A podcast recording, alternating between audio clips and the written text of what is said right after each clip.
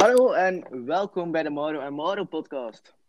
Vandaag gaan we het hebben over Bernardus van Clairvaux. We zijn hier te gast door Jules, Laurens en Finley. Hallo, ik ben Cindy en ik kom hier iets vertellen over Bernardus. En jij, Jules? Hallo allemaal, ik ben Jules en ik kom hier ook meepraten over Bernardus zijn geschiedenis.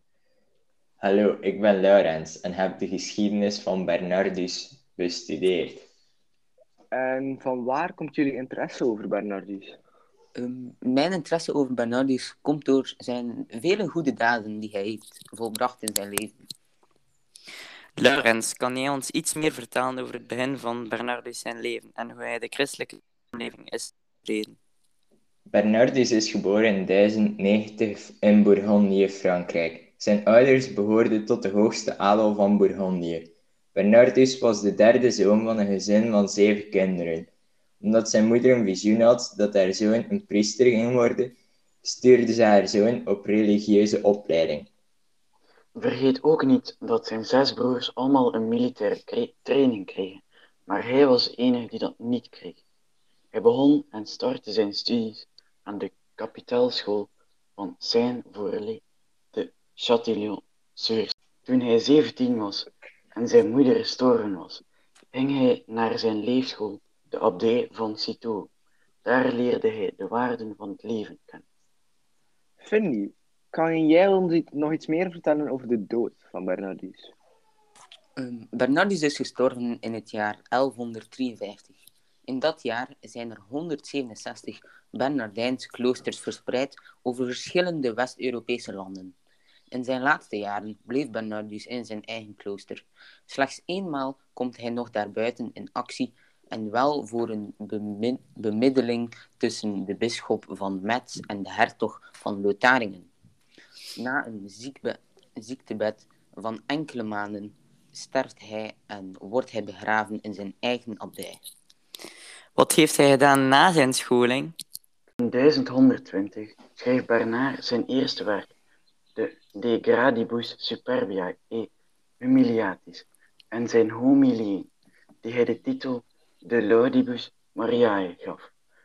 De monniken zagen met ledenogen de abdij van Citeaux groeien tot belangrijkste abdij onder de religieuze ordes. Mhm, mhm. Laurens, kan jij ons iets meer vertellen over Bernardus zijn kloosterleven? In 1112 trad Bernardus toe in de abdij van Citeaux, waar we al eerder over vertelden. Niet veel later trad hij uit het klooster van Citeaux. In 1115 kreeg hij echter de opdracht om een nieuw klooster op te stichten, namelijk het klooster van Clairvaux.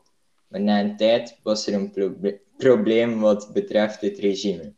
Bernardus vond het namelijk niet streng genoeg voor hem. Daarom stichtte hij zelf een nieuwe abdij die strengere regels zou opvolgen. In de nieuwe abdij volgen ze de regel van Benedictus. Wat houdt het in? Je hele dag is gepland en je moet leven volgens een schema. Dit betekent morgens bidden, eten, werken voor de Heer en in de avond opnieuw bidden. Finley, wat betreft de leefschool van Bernardus, wat wordt daar nu precies mee bedoeld?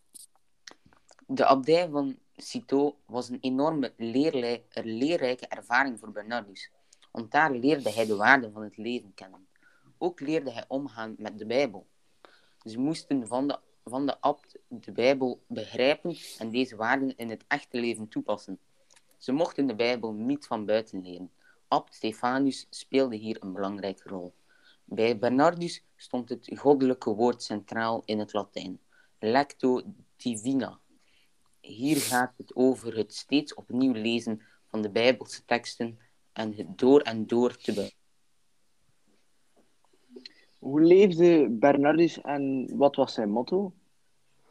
In zijn persoonlijke leven was hij uiterst sober en streng. Zijn doel, zijn doel was, net als Abelardus, een middeleeuws Frans theoloog en filosoof, om God te zoeken. Alleen gebruikte hij daarvoor liever de weg van de mystiek dan de overtuigingskracht van de menselijke reden en rationaliteit. Zijn motto was beminnen en bemind worden. Wat bedoelde Bernardus met de school van liefde? Dit gaat over wederzijdse liefde. Wat ik hiermee bedoel, is als je liefde geeft aan iemand, zal je die liefde terugkrijgen. Dit dachten ze vroeger ook. Al- Als je liefde geeft aan God, zal je welzijn en gezondheid terugkrijgen. Ook Bernardus had deze gedachte en probeerde deze zo goed mogelijk te verspreiden door vele preken en zijn boeken. Oké, dankjewel heren om eh, tijd te maken voor deze podcast. Het was een genoegen. Iedereen bedankt voor het luisteren naar deze Mauro en Mauro podcast. Hopelijk zien we jullie volgende week terug bij een nieuwe podcast met Jarne Stevens. Volgende week spreken we dus over de Tweede Wereldoorlog en zoals eh Mauro al zei, met de expert Jarne Stevens. Dankjewel voor het luisteren en tot ziens.